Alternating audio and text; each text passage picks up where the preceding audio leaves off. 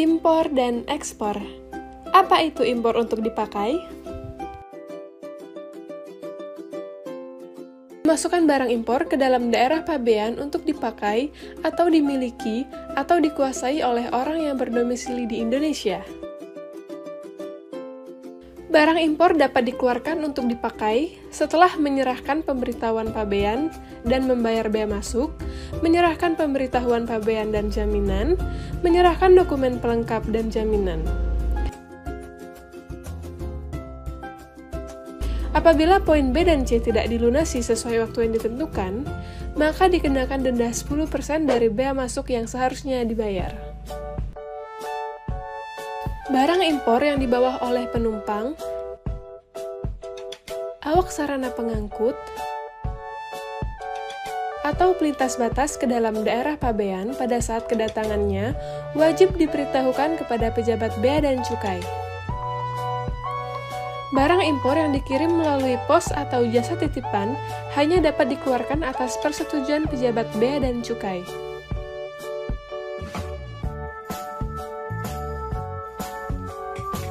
Importir dapat mengajukan permohonan perubahan atas kesalahan data pemberitahuan pabean yang telah diserahkan sepanjang kesalahan tersebut terjadi karena kehilafan yang nyata.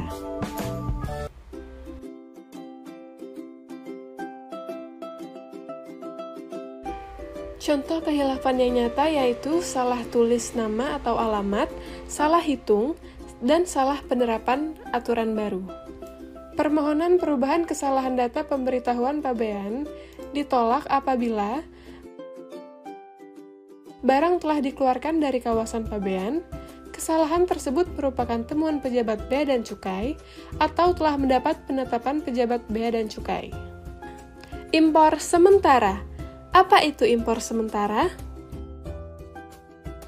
Impor sementara adalah pemasukan barang impor ke dalam daerah pabean yang benar-benar dimaksudkan untuk diekspor kembali dalam jangka waktu paling lama 3 tahun. Syarat impor sementara yaitu tidak akan habis dipakai selama jangka waktu, mudah dilakukan identifikasi, tidak mengalami perubahan bentuk secara hakiki selama jangka waktu kecuali aus karena penggunaan, dan ada dokumen pendukung bahwa barang tersebut akan diekspor kembali.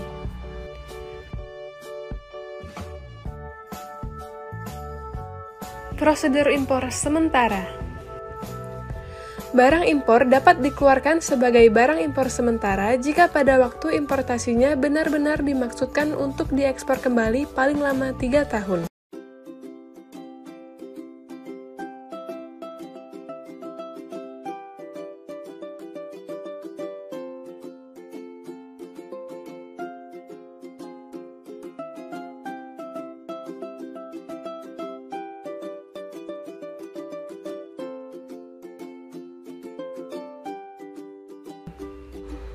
Barang impor sementara dapat diberikan pembebasan atau keringanan bea masuk. Barang impor sementara yang diberikan keringanan bea masuk, setiap bulan dikenai bea masuk paling tinggi sebesar 5% dari bea masuk yang seharusnya dibayar. Orang yang terlambat mengekspor kembali barang impor sementara dalam jangka waktu yang diizinkan, dikenai sanksi administrasi berupa denda sebesar 100% dari bea masuk yang seharusnya dibayar. Orang yang tidak mengekspor kembali barang impor sementara dalam jangka waktu yang diizinkan, wajib membayar bea masuk dan dikenai sanksi administrasi berupa denda 100% dari bea masuk yang seharusnya dibayar. Ekspor Apa itu ekspor? Ekspor adalah kegiatan mengeluarkan barang dari daerah pabean. Sesuai pasal 2 ayat 2 Undang-Undang Kepabeanan, barang yang telah dimuat di sarana pengangkut untuk dikeluarkan dari daerah pabean dianggap telah diekspor dan diperlakukan sebagai barang ekspor.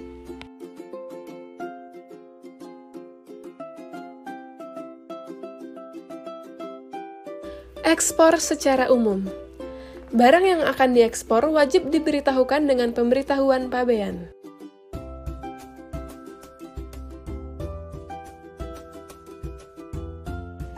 dikecualikan dari kewajiban di atas, yaitu atas barang pribadi penumpang, barang pribadi awak sarana pengangkut, barang pribadi pelintas batas, dan barang kiriman dengan batasan nilai pabean dan atau jumlah tertentu. Pemuatan barang ekspor Pemuatan barang ekspor dilakukan di kawasan pabean atau dalam hal tertentu dapat dilakukan di tempat lain. Seperti pelabuhan laut, tempat lain dengan izin kepala kantor pabean, dan bandar udara.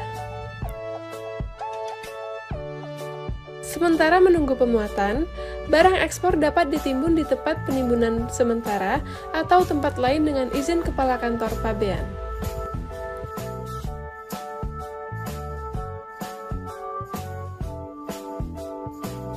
Barang yang telah diberitahukan untuk diekspor, jika ekspornya dibatalkan, wajib diberitahukan kepada pejabat bea dan cukai.